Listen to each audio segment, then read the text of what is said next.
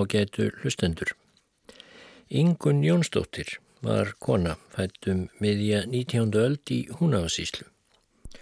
Hún gekkaði eiga Björn Sigfússon sem var gildur bóndi eins og þar stendur þar í sveitinni. Hann var alþingismadur um tíma, þau byggu á nokkrum bæjum en lengst af á Kornsá í Vastal.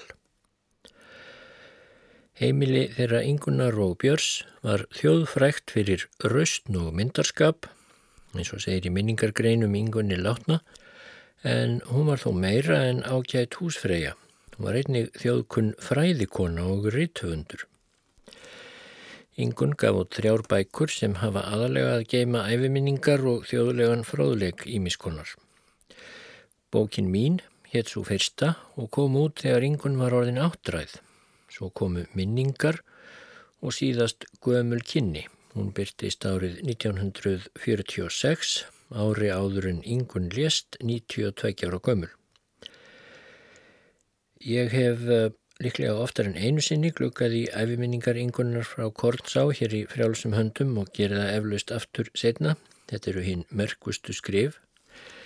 En í þessum þætti ætla ég að líta í bók sem dóttur hennar skrifaði bók sem hétt hvorki meirinni minna en íslenskar kvenhetjur. Höfundurinn, Guðrún Anna Björnsdóttir, var eldst fimm barna þeirra Ingunnar og Björns á Kornsá. Hún fættist raunar á Hofi í Vastal þar sem hjónin bjökuð þá árið 1880 og fjögur. Þegar Guðrún var fjögur ára flutti fjölskyldanað Grímstungu þar í sömu sveit. Þá var árferðið slemt eins og segir í minningargrein eftir Jón Kjartansson sem hann skrifaði um Guðrúnu látna löngu setna. Árferðið slemt, veður voru íll og björn varð fyrir fjársköðum af völdum bráðapestar og veðráttunar. Þrátt fyrir þessi áföll, ógs kjarkur grímstungu hjónanna, björn þekkti vel aðstæður allar í dal og fjöllum Hann hafði áður búið um nokkur ár með móður sinni í Grímstungu. Björn bætti jörðina, girti tún og engjar og jók bústofnin. Grímstungubærin og næsta umhverfi var sá heimur sem Guðrún Anna Björnsdóttir ólst upp í, allt frá því að hún myndi fyrst eftir sér og til þess dags að hún flutti að Kornsá með foreldrum sínum og sískinum þá komin á átjánda ár. Þessum heimi glemdi hún aldrei, skrifaði Jón Kjartansson, hún unni honum allt sitt líf og þeim sem gerðu hann ógleimanlegan en það voru foreldrar hennar og sískinni. Þessi heimur var í minningunni Jarðunesk Paradís, þótt kallt væri á veturum í baðstofunni á Grímstungu.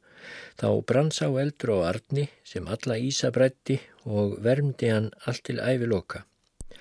Jafnvel í frostrósum lítilla glukka sá hún undra myndir sem jöku á meðfætt ímyndanurafl og fegurðarskinn. Þær sögur fóru af yngunni Jónsdóttur að hún segði þegar kaldast var í grímstungubænum og yllviðrið herjaði á þekjuna og börnin óttuðust hvað mest æðandi óveðrið, þá sað hún, börnin góð, nú búum við til sumar og sólskinn. Þegar fjölskyldan flutti frá Grímstungu að Kornsá varð allmikil breyting á högum fjölskyldunar. Húsakinni voru stærri, Kornsá var meira miðsvæðis og umferð var meiri. Leiksískinum Guðrúnar og sískina hennar fjölgaði og skemmtanalífið varð fjölbreyttara. Haustið 1901 hleyfti hinn unga heimasæta og Kornsá heimdraganum og settist í kvennaskólan á Blöndósi og laug þaðan prófi vorið 1902 átján ára en fadur hennar átti reynda ríkan þátt í stopnun skólans og viðgangi hans. Við skóladvölina kom í ljós að Guðrún Anna var miklum hæfileikum búin. Gáfur átt hún til í ríkum mæli og dugnaður og kjarkur forfæðra hennar sagði til sín, skrifaði Jón Kjartansson. Að lokinni skóladvöl á Blöndósi þá held hún áfram námi nú í Flensborgar skólanum fyrir sunnan og laug þaðan burtvararprófi árið 1904. Það ár gerðist hún kennari við Kvennaskólan á Blöndósi og gengdi kennarastarfi þar og síðan í Ásarreppi eða til 1909 þegar hún var skipuð skólastjóri við barnaskólan í Siglufyrði. Árið eftir komin að þangað eða árið 1910 stopnaði hún unglingaskóla Siglufjörðar og var hún svo skólastjóri begja skólana um ára byl. Einn vetur, 1916 til 17, tók hún sér frí frá kennslu og skólastjórn og fór til Danmerkur og stundaði þá nám við kennaraháskólan í Kaupanhöfn. Síðan snir hún aftur til Siglufjörðar, þar sem hún bjó lengst af það sem hún átti eftir ólifað. Hún varð sankalladur bæjarstólpi á seglufyrði og afar vinsæl. Jón Kjartansson, marknemdur, hann var nefandi hennar og líka vinur fósturdóttur hennar og hann sagði um hana. Frú Guðrún átti í fórum sínum sama einleikan og móður hennar. Hún gatt mitt í hríðarbiljum búið til sólskinn. Nú rifjast upp fyrir mér fjölmarkar kvöldstundir þar heima þar sem ég og jafnaldrar mínir nautum veitinga og ánægulegra stunda. Það voru sólskinstundir. Í kennslustund var Guðrún Björstóttir síveitandi. Hún jós af brunni þekkingar sinnar. Íslendingasögurnar gerði hún ljós lifandi fyrir okkur nefndum sínum og enginn tegnaði íslenska tungu sem hún. Hún kendi okkur að byrja lotningu fyrir móðurmálinu, hvernig svo sem það hefur tekist og fyrir landinu og lífinu. Hún myndi okkur nefnundur sína á að það fylgdi því ábyrð að fara með völd og það fylgdi því ábyrð að lifa. Hún gerði okkur það ljóst að áttaviti sá sem við getum stýrt eftir í lífssiglingunni væri trúnaðartröstið, tillitsemin við aðra og heiðarleikin í orði og verki. Hún erði frá móður sinni yngunni, löngun og hefileika til að skrifa. Hún skrifaði mikið í blöð um fólk og háttu bæði í húnafa síslu æsku sinnar og um fólk á siglufyrði. En svo gaf hún út bókina Íslenskar kvenhetjur árið 1948. Í þeirri bók sagði ekki frá Bergþóru eða Hallgerði Langbrók eða Guðrúnu Ósvífursdóttur eða Auði Djúbúðku eða Helgu Sigurdardóttur eins og nafnið íslenskar kvenhetjur kynni þó að benda til heldur sagði þar frá íslenskum kvöndagshetjum sem Guðrún hafði sjálf komist í kynni við. Og sáþáttur sem ég ætla að byrja á að lesa hér er um eina af þessum kvenhetjum. Róðþáttarins er endar erindi sem Guðrún flutti í ríkisútvarpið fyrir tæpum 8-10 árum en hefur ekki varðvist og Guðrún jóg svo að einhverju leiti þegar hún gaf þáttin út á bók. Hér segir af Jakobínu Jónsdóttur Ster, ljósmóður.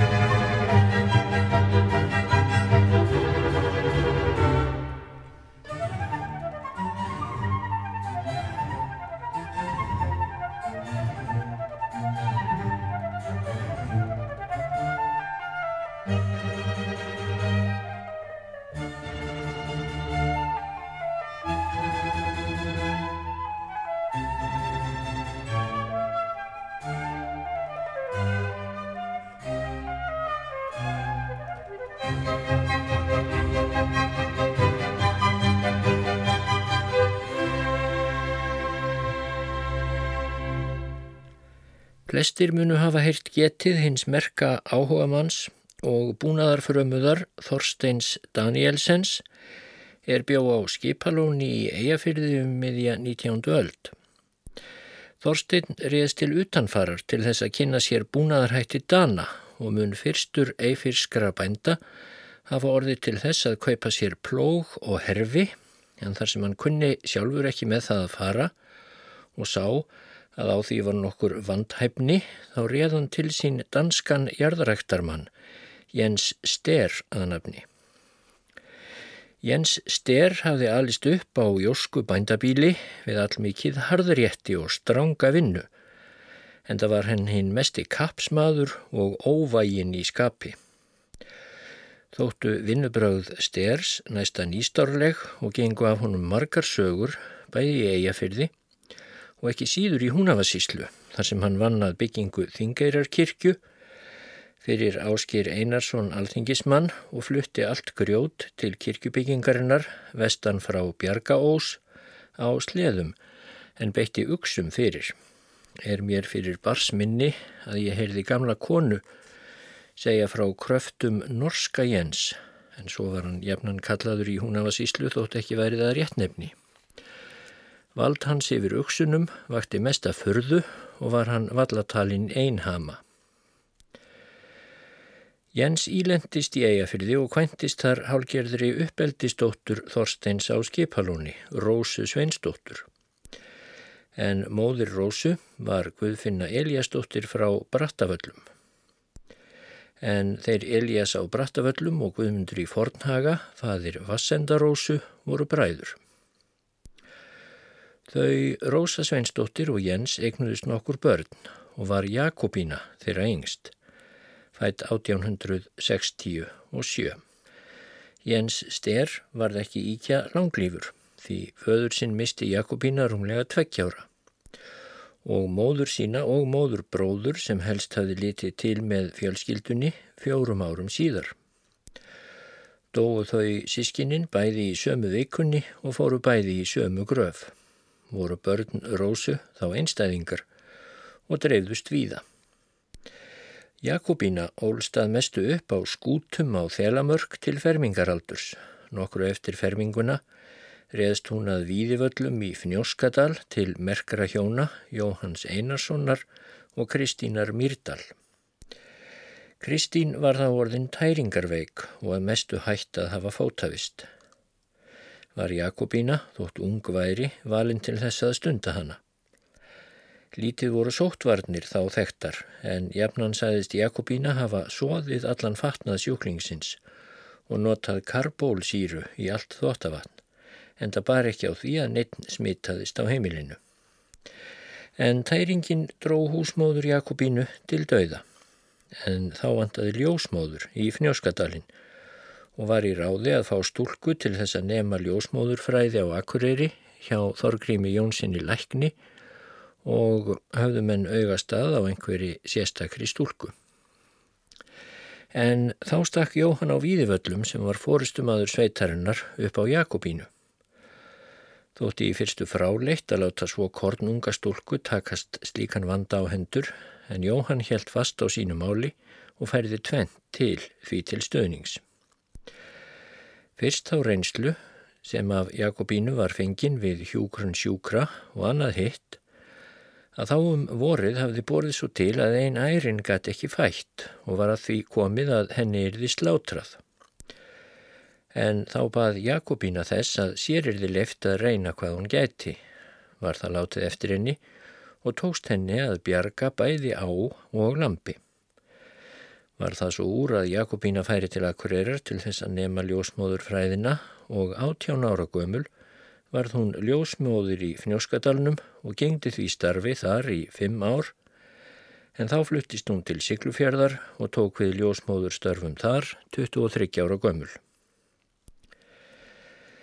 Þá var Siglufjörður aðeins lítið kauptún en búskapur talsverður og einar tíu jarðir í fyrðinum. Í hrefnum og ljósmóður umdæminu var auk þess Siglunes, Hjeðinsfjörður og Úlfstalir venjulega aðeins kallaðir dalir. Á þessum stöðum var miklu fleira fólk þá en nú er. Í hérðinsfyrði eru sumar jarðirinnar nú alveg komnar í eyði sem kunnugt er. Vegna þeirra sem ekki hafa komið til Siglufjörðar er nöðsynlegt að lýsa landslæginu nokkuð. Siglufjörður er girtur háum og snarbröttum fjöllum á þrjá vegu en að norðan skagar Siglunesið til vesturs og hálf lokar fjörðarminninu. Út á Siglunis er oftast farið sjóleiðis, þó er stundum lagt í að fara hinnar svo kalluðu skriður austan megin fjörðarins, en torsótt er svo leið og hættuleg og ekki farin nema mikið líki við. Ekki výlaði Jakobína það þó fyrir sér ef þess þurfti með, en sem betur fór var það ekki oft, því að sjóleiðin út á Siglunes er venjulega góð. Til híðinsfjörðar og vestur á Dali er ekki farið sjóleiðis nema þegar veðrið er best og blíðast og venjulega vetrarleiðin likur því yfir fjöllin. Til híðinsfjörðar likur leiðin um hestskarð. Hún er ekki mjög laung en ákaflega erfið og snar brött og snjóflóðahætta er þar mikil. Leiðin vestur á dali likur líka yfir há og brött fjöll en er þó talin hættu minni. Þessa vegi varð Jakobína að fara oft og mörgum sinnum þau rúmu 38 ár sem hún var ljósmóður í Siglufyrði. Aldrei dattin í hugað hika hversu slemt sem færið var eða ískikilegt veðurútlitt og engum tjáði að letja ljósmáðurina. Ég veit skildu mína, gagvart stöðunni minni, var hennar vana svar. Rúma ári eftir að Jakobina fluttist til Siglufjörðar giftist hún Jóni Jóhannesinni skipstjóra og reistu þau stöttu síðar bú í Sörbæ, jörð sem er fram í fyrðinum austanmegin árinnar en er nú lagð undir kúabú Siglufjörðar köpstaðar á hóli mun hafa verið hátt upp í klukkutíma gangur þaðan til kauptúnsins eins og vegurinn var þá. Í Sörbæ byggu þau millir 20 og 30 ár en þá var Siglufjörður orðin það fjölmennur bær að valla var fært fyrir ljósmóðurina að búa frammi í fyrði. Byggðu þau sér því hús í bænum en seldu búið sitt. Oft undraðist maður hver miklu Jakobína fekk afkastað og hversu óþreytandi hún var þar sem maðurinn hennar var tíðast á sjó frá því setni hluta vetrar og oft langt fram á haust, kom búskapurinn og umsjá heimilistarfana að miklu leiti á hana. Ljósmóðurstörfin sátu þó í fyrirrúmi fyrir öllu öðru og hjá henni voru þau fólkin í fleiru en bara að taka á móti börnunum og hjúkra sengurkonunum. Í þá daga var víða skortur á nægilega hollu og góðu fæði og fatnaði handa sængurkonum og börnum. Úr öllu slíku taldi Jakobína sér skilt að bæta, ofta af eigin efnum, og sást þá lít fyrir, en það auððu þau hjónin aldrei efnuð, en ofta leitaði hún líka til kunningja sinna um aðstóð. Þegar Jakobína kom og skýrði frá þröngum kosti einhverjar fjölskyldu, þá dætt víst fáum í hugað draga sig í hlið. Mörgum munadlausum börnum útvegaði hún fóstur og fylgdist með því hvernig þeim vegnaði þar sem hún taldi þess þörf. Sjálf egnaðist hún þrjá drengi og ól upp þrjár fóstur dættur.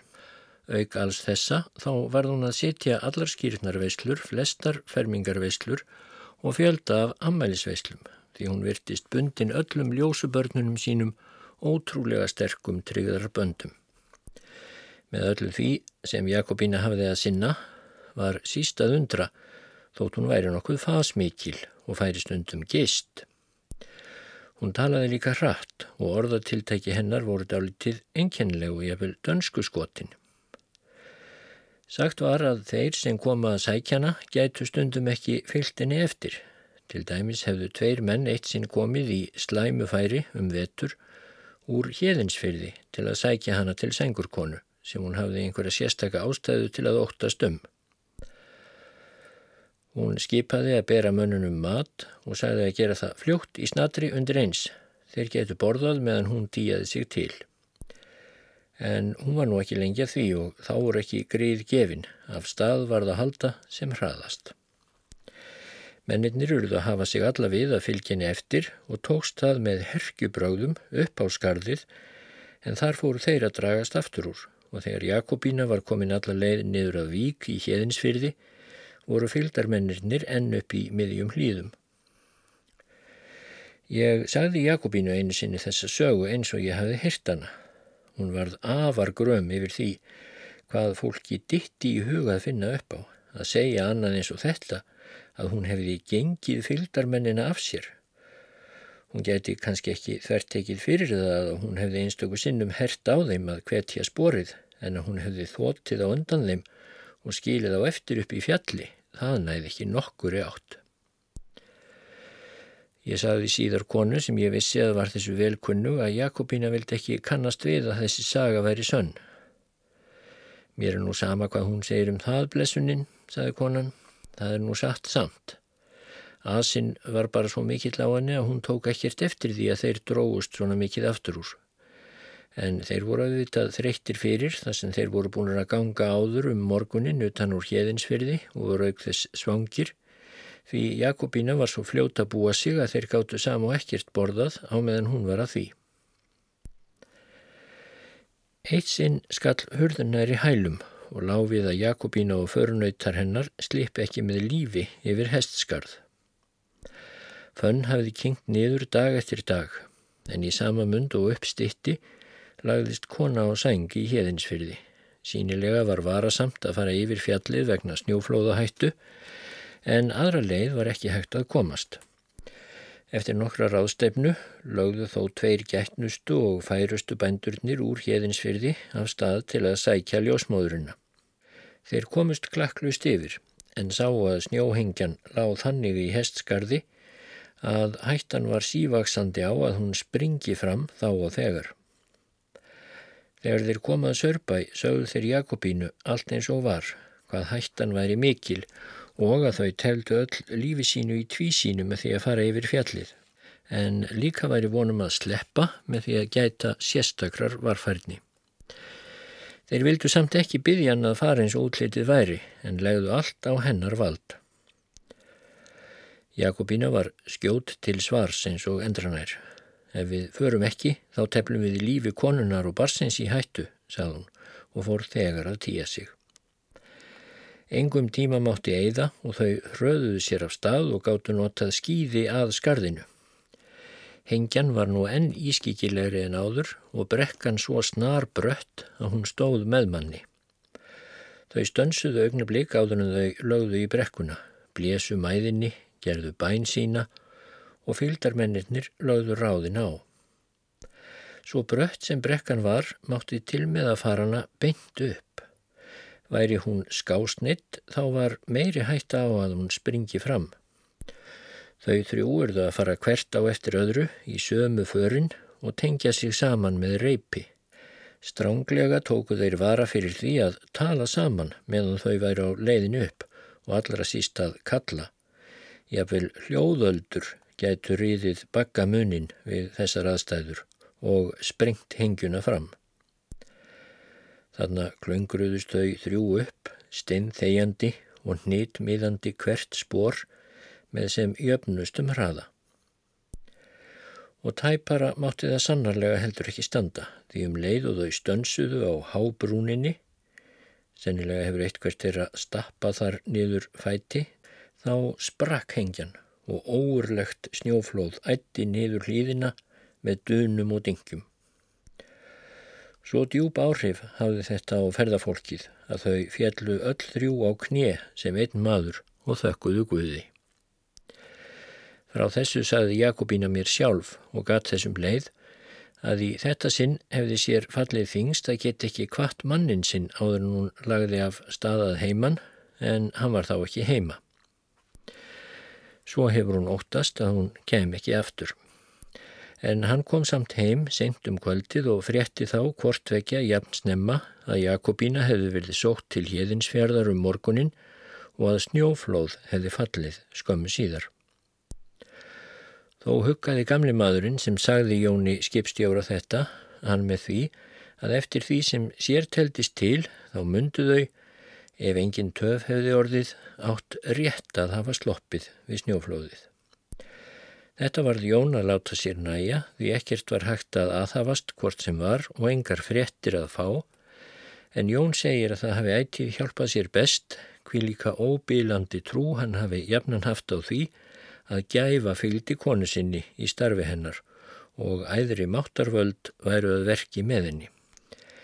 Þegar Jakobína gekk með síðasta drengin sinn þá bar svo til að kona í heðinsferði vænti sín á sama tíma voru því í tæka tíð gerðar þær ráðstafanir að gömul ljósmóður úr fljótum var fenginn til þess að fara út í heðinsfjörð og býða þar þess að konan þar yrði léttari.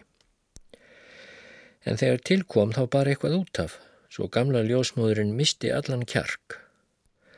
Þetta var um haust, en það vildi til að blíðviðri var heið mesta og var nú mannaður bátur í skyndi til þess að sækja lækni til Siglufjörðar en svo ítla tókst til að þegar þangað kom þá var læknirinn ekki heima. Hann hafði verið sóttur þennan sama morgun inn í fljót. Mönnum kom þá það eitt ráð í hug að fara til Jakobínu og spyrja hanna hvað gera skildi. Ég fer með ykkur, sagði hún heiklaust og lagði hún svo af stað. Maðurinn hennar var þá sem oftar á sjó og kom ekki heim fyrir næsta dag. Þá var sjór farin að ívast svo ekki voru tiltök á að fara þá leið en snjór var ekki komin á fjöllin. Brá Jón þá skjótt við og fór ríðandi til hérðinsferðar að vitja um konu sína og hafði með sér tröstan og vanan fjallahest. Lánið hafði fyllt Jakobínu eins og áður og hafði henni tekist að bjarga bæði móður og barni og leið báðum vel eftir ástæðum. En ekki þótti fært að Jakobína hefði þar lengri viðtöl en það sjálf komin á steipirinn og lögðu þau hjónin þegar á fjallið. Reið Jakobína en maður hennar gekk við hlið hestinum niður brekkuna og stutti hana í söðlinum eftir mætti en óhægt var að sitja í söðlin niður snarbratta brekku eins og á stóð og sagði Jakobína síðar að þetta hefði verið sitt erfiðasta ferðalag. Hún hefði valla haft nokkurt viðþól á leiðinni niður. Og nóttina eftir tók hún sjálf léttasóttina. Læknirinn var þá komin aftur úr fljótum og var hjá henni. Fæðingin var nokkuð ströng en gekk þó sæmilega en barni dó úr krampa horra daga gamalt. Ekki átt að jarða barnir fyrir en Jakobína kæmist á fættur en rétt þegar hún var að byrja að fara í fött, tíu dögum eftir fæðinguna, kom sendimaður frá dölum. Var kona þar þá búin að taka léttasóttina og átti að sækja læknin að því fólk vissi hvernig ástatt var um ljósmáðurina. En læknirinn treysti sér þá ekki vegna lasleika og kom sendimaðurinn þá auðvitað til Jakobínu. Ekki var und að komast öðruvísi en hinn að svo kalluðu dalaleið yfir snók og færi var afleitt, ökla krap víðast eða meira. En hvað var það að setja fyrir sig þegar skildan kallaði?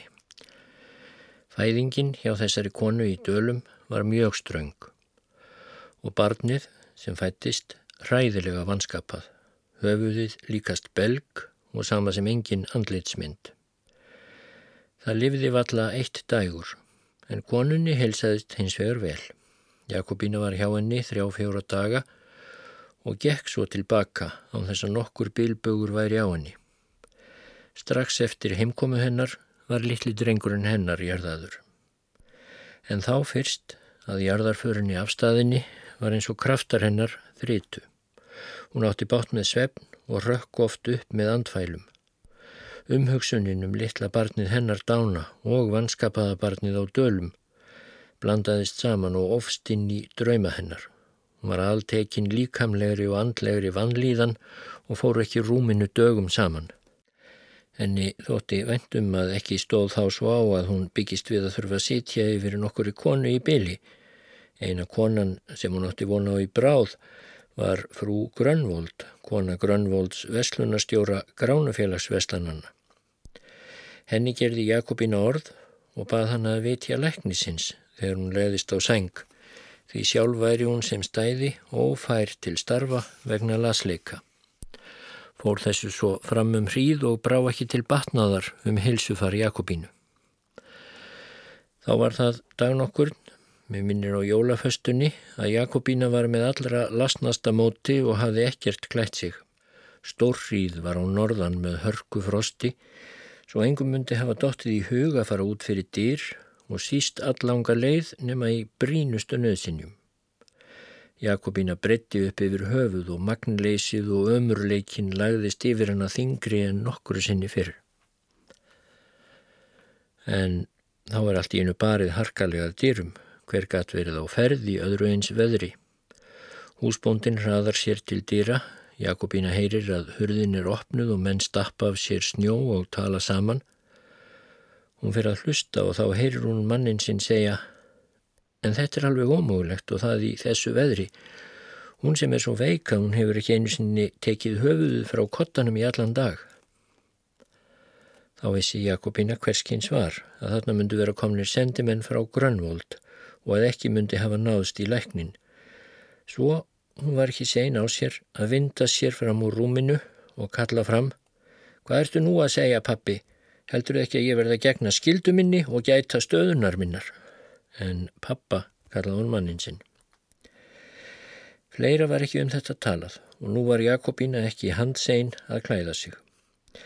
Maðurinn hennar bjóð sig líka og þau heldu öll af stað en frá því hafa þau sagt mér, bæði hjónin, að aldrei hefðu þau farið á móti meiri veðurofsa og fullt í fangi hafa þau átt með það öll fjögur að geta haldið hópin á leiðinni og láta ofviðrið ekki slíta sig í söndur. En nú var Jakobina aftur í essinu sínu.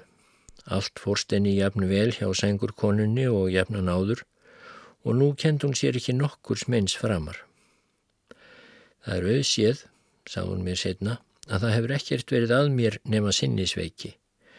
Það var bara því að ég fór að láta það eftir mér að liggja og kvíla mig.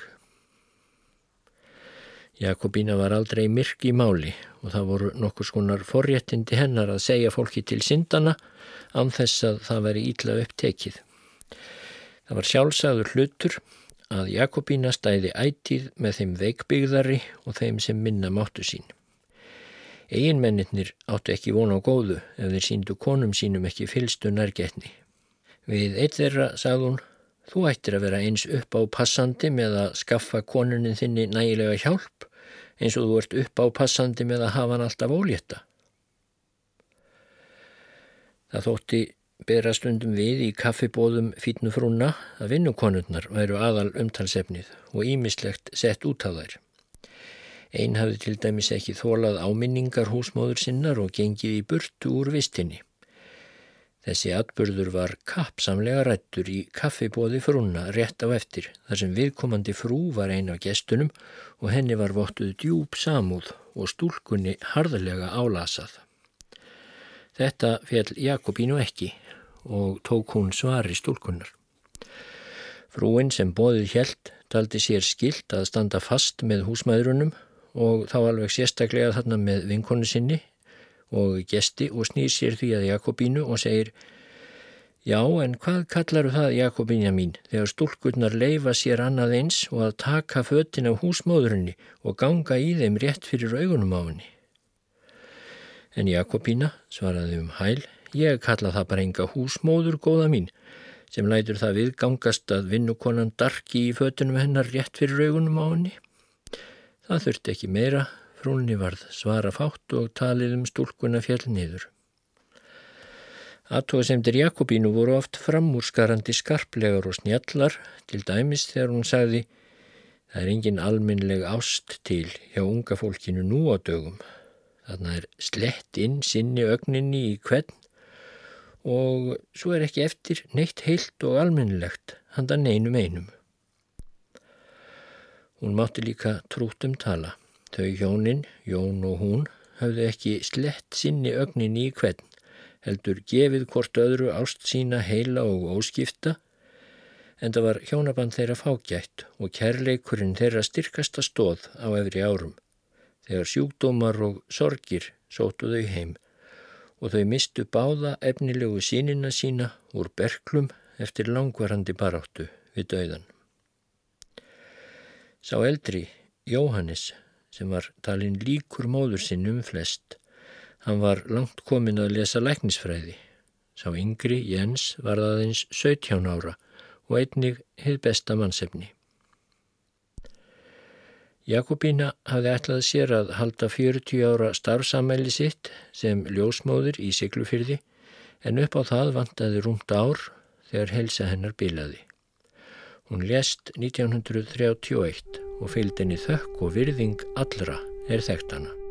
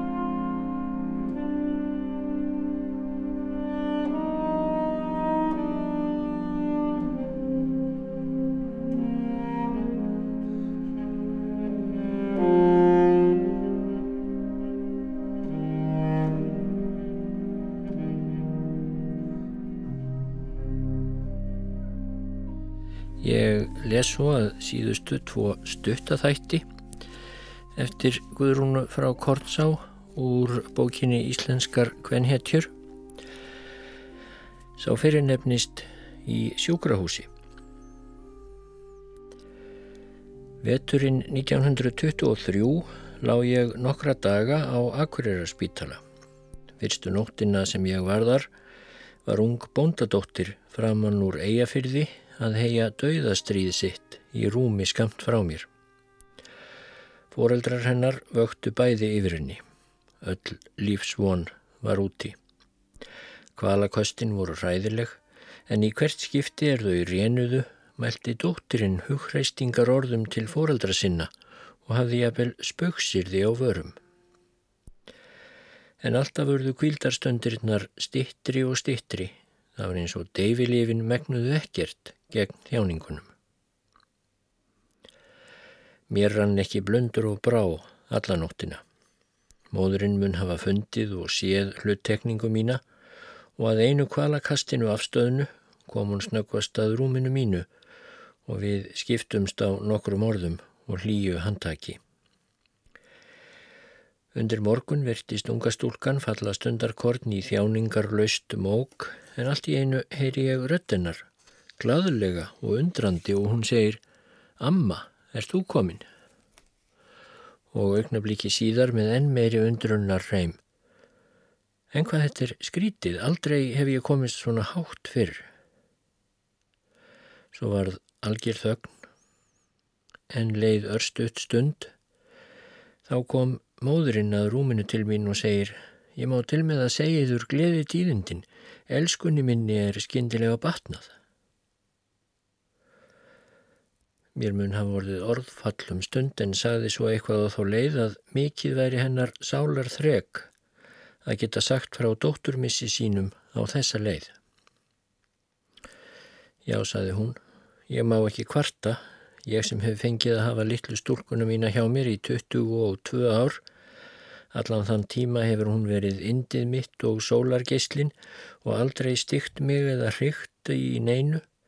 Því líkur munur eða ef ég hefði mist hana litla, til dæmis ekki fengið að hafa hana nema eitt ár En nú eigum við foreldrar hennar allar góðu minningarnar um hana til þess að gleði okkur við. Það er mér líka svo mikil huggun að ammennar sem hún var svo elskað er farin yfir landamærin á undan henni og skildi strax fyrir að komin til að taka á mótinni. Ég hef vist ekki svarað miklu en það skundaðu nú hröðum skrefum yfir í næstu sjúkrastofu til að segja veikum síni þeirra hjóna sem þar lág gleðitífindin sem hún nefndi svo. Ég sá Maríu Jónsdóttur en það var nafn móðurinnar aldrei eftir þetta. En orð hennar og þessi atbyrður allur hefur æg síðan verið óafmáanlega greftur í hugskot mitt. Á því augnabliki skildi ég fyrst til fulls hvað hún mamma mín hafði átt við þegar hún var að brína fyrir mér hversu áriðandið að væri að sapna sér fjársjóðum sem hvorki mölur nýja reyð geti grandað. Það var það sem þessi unga stúlka hafði gert. Hún skildi fóreldra sína ekki eftir í fátækt þótt hún hirfi á braud. Hún hafði sapnað handað þeim fjársjóði sem ekki var hægt að eigða og hvorki mölur nýja reyð gæt nokkuru sinni grandað.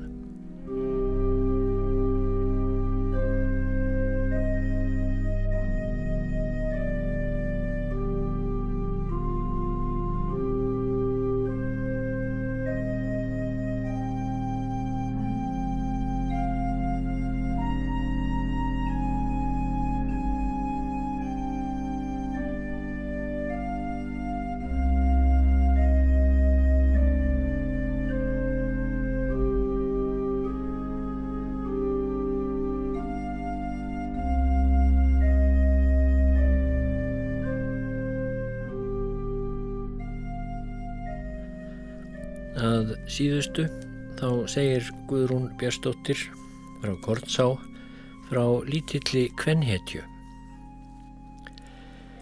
Eitt sinn er ég var stött í Reykjavík að vorlagi, datt mér í huga að fara austur að laugarvatni og vera þar yfir helgi. Það hafði verið góð tíð og mér hefur ætið þótt laugarvatn indislegur dvalarstaður svo ég hefði gott til ferðarinnar. En til þess að vera alveg vissum að ferðin yrði ánæguleg og sólrík, jafnvel þótt ringdi, þá baði ég sístur mína að lofa yngu litlu, dóttur sinni sem þá var fimm ára gömul að fara með mér. Við lögðum að staði í bíl nokkru eftir háttegið á samt fleiri ferðafélagum. Það var glada sólskinn þegar til kom og ynga litla var heiminn lifandi yfir að fá að fara þetta. Margar voru nú ráðagerðirnar um hvernig við skildum skemmt okkur á laugarvatni. Auðvitað ætlum við að fara að róa út á vatnið og fara í gufubað en allra skemmtilegast, sagði stúlkan, myndi þó verða í skóginum. Þar getum við farið í feluleik og þar geti vel skeið að við fyndum hreyður með litlum ungum. Um nóg var að hugsa og allt gekkað óskum austur undir apavatn. En þá fóru allt í einu að koma einhverjir kynlegir rykkir og kippir í bílinn og svo stöðvaðist hann alveg. Eftir allanga rannsókn og margvíslegar til raunir þá komst bílstjórin að þeirri niðurstöðu að í þessum bíl er ekki farið lengra í það skiptið. Nú þótt okkur heldur betur vandast málið. Við vorum lít búin til gangs og engin bíl var sjáanlegur á ferðinni. Á bæ, æði spöl þaðan sem við vorum, sáum við að myndi vera sími, svo það var það ráði að bílstjórin hlipi þangað. Okkur fannst hann vera óra tíma í burtu, en loksins kom hann þó aftur, með þær fregnir að erfiðilega hefði ætlað að ganga að ná í nokkur farkost austur en á endanum hefði hann þó spurt uppi stóran bíl sem væri í þann vegin að fara frá Selfossi til Laugarvatns. Hann hefði talað við bílstjóran sem saðist hafa nokkur laus sæti í bíl sínum og hefði lofað að taka okkur en gæti þó ekki komið fyrir en eftir svona klukkutíma. Við vorum þá farin að verða leið á bíðinni og þótti því ekki gott að verða að bíða klukkutíma í viðbót en engin önnur úrræði voru fyrir hendi. Komið var fram yfir kvöldverðartíma og okkur var farið að svingja og þyrsta en það vorum við nestis laus með öllu. Allir nöldruðu og kvörtuðu sífelt nema ynga litla. Ég hafði nóg að gera að svara spurningum hennar.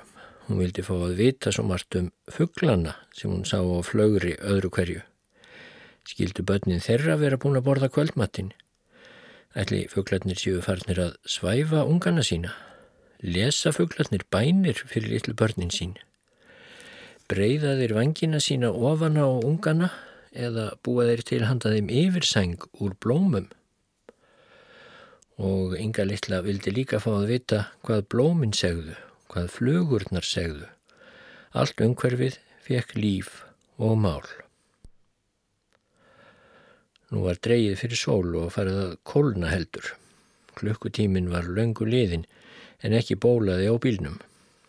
Einhver stakk þá upp á því að betra myndi vera að hreyfa sig ofur lítið. Við skildum því lappa af stað í hægum okkar. Bílinn hlíti að ná okkur strax. Þetta varð úr, við gengum af stað, við gengum og gengum en ekki kom bílinn. Ég leiti litlu frængu mína og hafði mestar áhyggjur af henni að hún myndi uppgefast. Þólinnmæði samferðafólksins var nú gjörsamlega þróttin.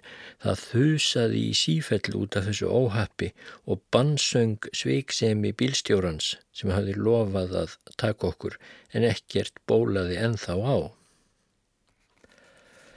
En þá segir Inga Littla sem um stund hafi verið þögul, hvers vegna er alltaf verið að tala um það sem er, því má ekki tala um það sem verður í kvöld þegar við komum að laugarvatni og fáum svo gott að borða og þá verður allt svo skemmtilegt. Það varð skindileg þögn. Ég held að við höfum öll hugleitt lífsbekina sem barnið hafði kent okkur og fundið til eigin vanþroska. Þetta var lítil kvenhetja.